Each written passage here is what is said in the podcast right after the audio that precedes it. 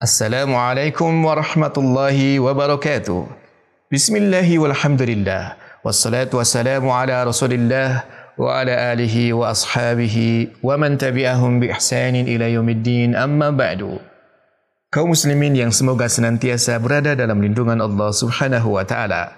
Marilah kita melanjutkan kembali sejarah hidup dan perjuangan Rasulullah sallallahu alaihi wasallam yang disarikan dari kitab Ar-Rahiqul Makhtum Syekh Sofiur Rahman Mubarak Furi. Ini adalah bagian yang ketiga dari Perang Khaybar. Jalannya pertempuran. Peperangan dimulai dengan menyerbu benteng Naim yang merupakan pusat pertahanan kaum Yahudi paling utama karena letaknya yang strategis. Benteng ini milik seorang pejuang Yahudi yang konon kekuatannya menandingi seribu orang Ali bin Abi Talib menuju ke benteng tersebut. Lalu orang-orang Yahudi diajak masuk Islam. Namun mereka menolak. Bahkan tokoh mereka, Marhab, keluar untuk menantang tanding. Tantangan tersebut diladeni oleh Ami Amir. Namun akhirnya sahabat tersebut terbunuh oleh Marhab.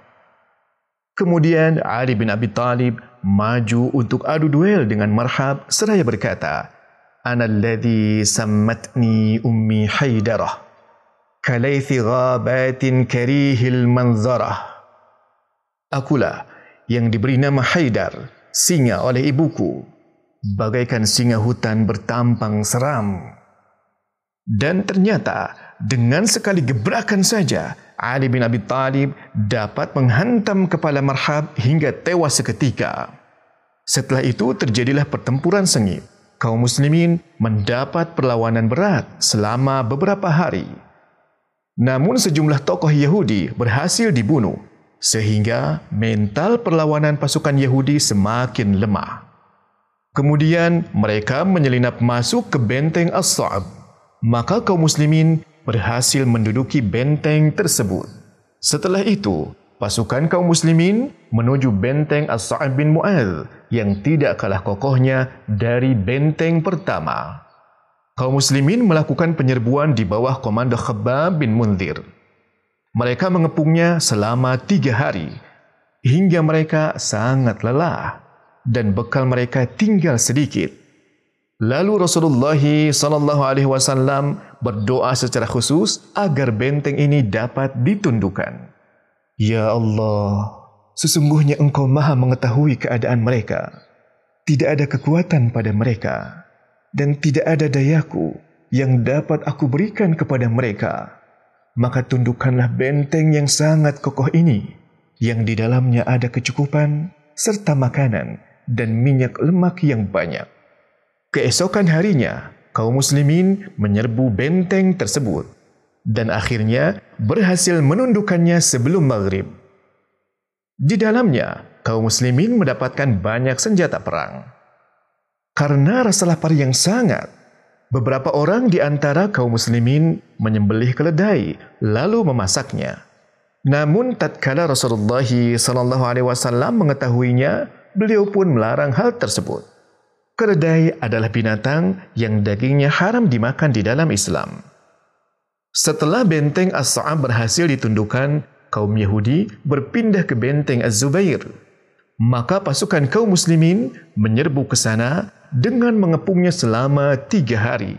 Setelah mengetahui bahawa mereka dapat bertahan karena adanya sumber air yang mengalir ke dalam benteng, maka pasukan kaum muslimin segera menghentikan sumber air tersebut. Akhirnya, keluarlah orang-orang Yahudi dan terjadilah pertempuran yang sengit. Hingga akhirnya benteng itu dapat ditundukkan.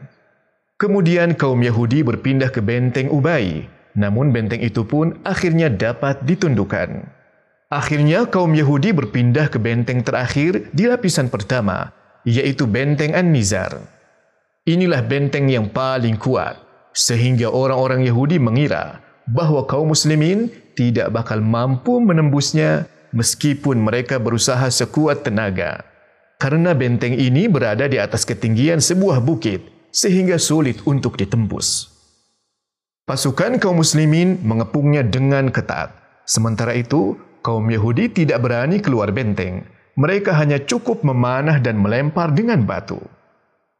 Melihat sulitnya benteng tersebut ditembus, Rasulullah Shallallahu Alaihi Wasallam memerintahkan untuk menggunakan manjanik, yaitu pelempar batu besar, untuk menyerang benteng tersebut hingga pintu benteng tersebut rusak.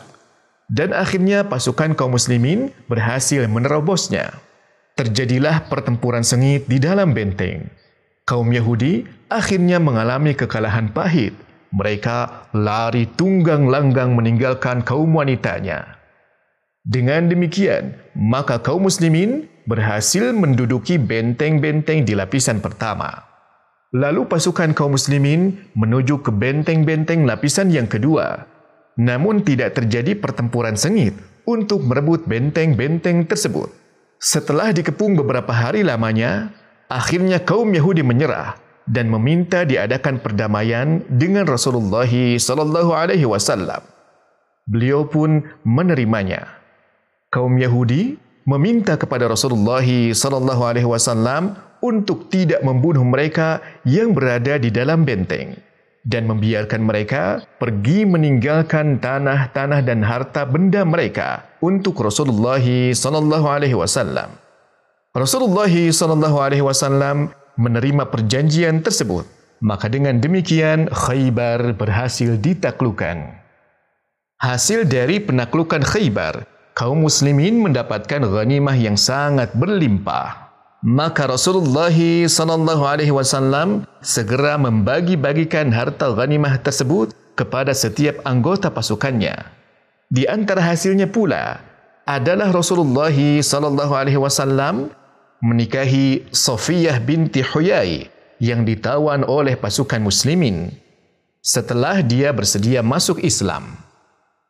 Di antara hasilnya pula adalah Rasulullah sallallahu alaihi wasallam menikahi Sofiyah binti Huyai yang ditawan oleh pasukan kaum muslimin. Namun setelah dia bersedia masuk Islam, maka dia pun dinikahi oleh Rasulullah sallallahu alaihi wasallam.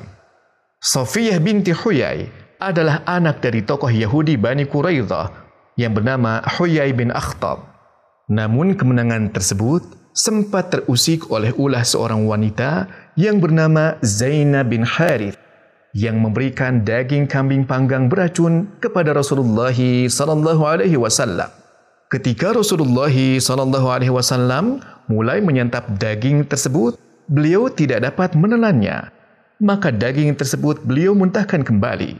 Rasulullah sallallahu alaihi wasallam mengatakan bahawa daging itu sendiri yang memberitahu beliau bahawa ada racun padanya. Jumlah korban kedua belah pihak. Dari kalangan kaum muslimin, jumlah pasukan yang syahid adalah 16 orang. Sedangkan orang-orang Yahudi, jumlah yang mati berjumlah 93 orang. Sekembali dari Khaybar, pasukan Rasulullah sallallahu alaihi wasallam masih sempat menaklukkan beberapa kota lainnya. Di antaranya adalah Fadak, Wadi Qura dan Taima. Kemudian Rasulullah sallallahu alaihi wasallam kembali ke Madinah pada akhir bulan Safar tahun 7 Hijriah dengan kemenangan yang gemilang. Di tengah perjalanan di akhir malam, pasukan kaum muslimin tertidur nyenyak karena keletihan. Bilal yang diperintahkan untuk berjaga-jaga juga ketiduran. Mereka baru terbangun setelah matahari sudah beranjak naik dan terkena sengatannya. Rasulullah sallallahu alaihi wasallam adalah yang pertama kali bangun. Setelah itu baru mereka salat subuh berjamaah. Ikhwas kalian yang semoga senantiasa berada dalam rahmat Allah Subhanahu wa taala. Demikian kisah yang dapat saya sampaikan pada kesempatan kali ini. Mudah-mudahan bermanfaat. Wassalamualaikum warahmatullahi wabarakatuh.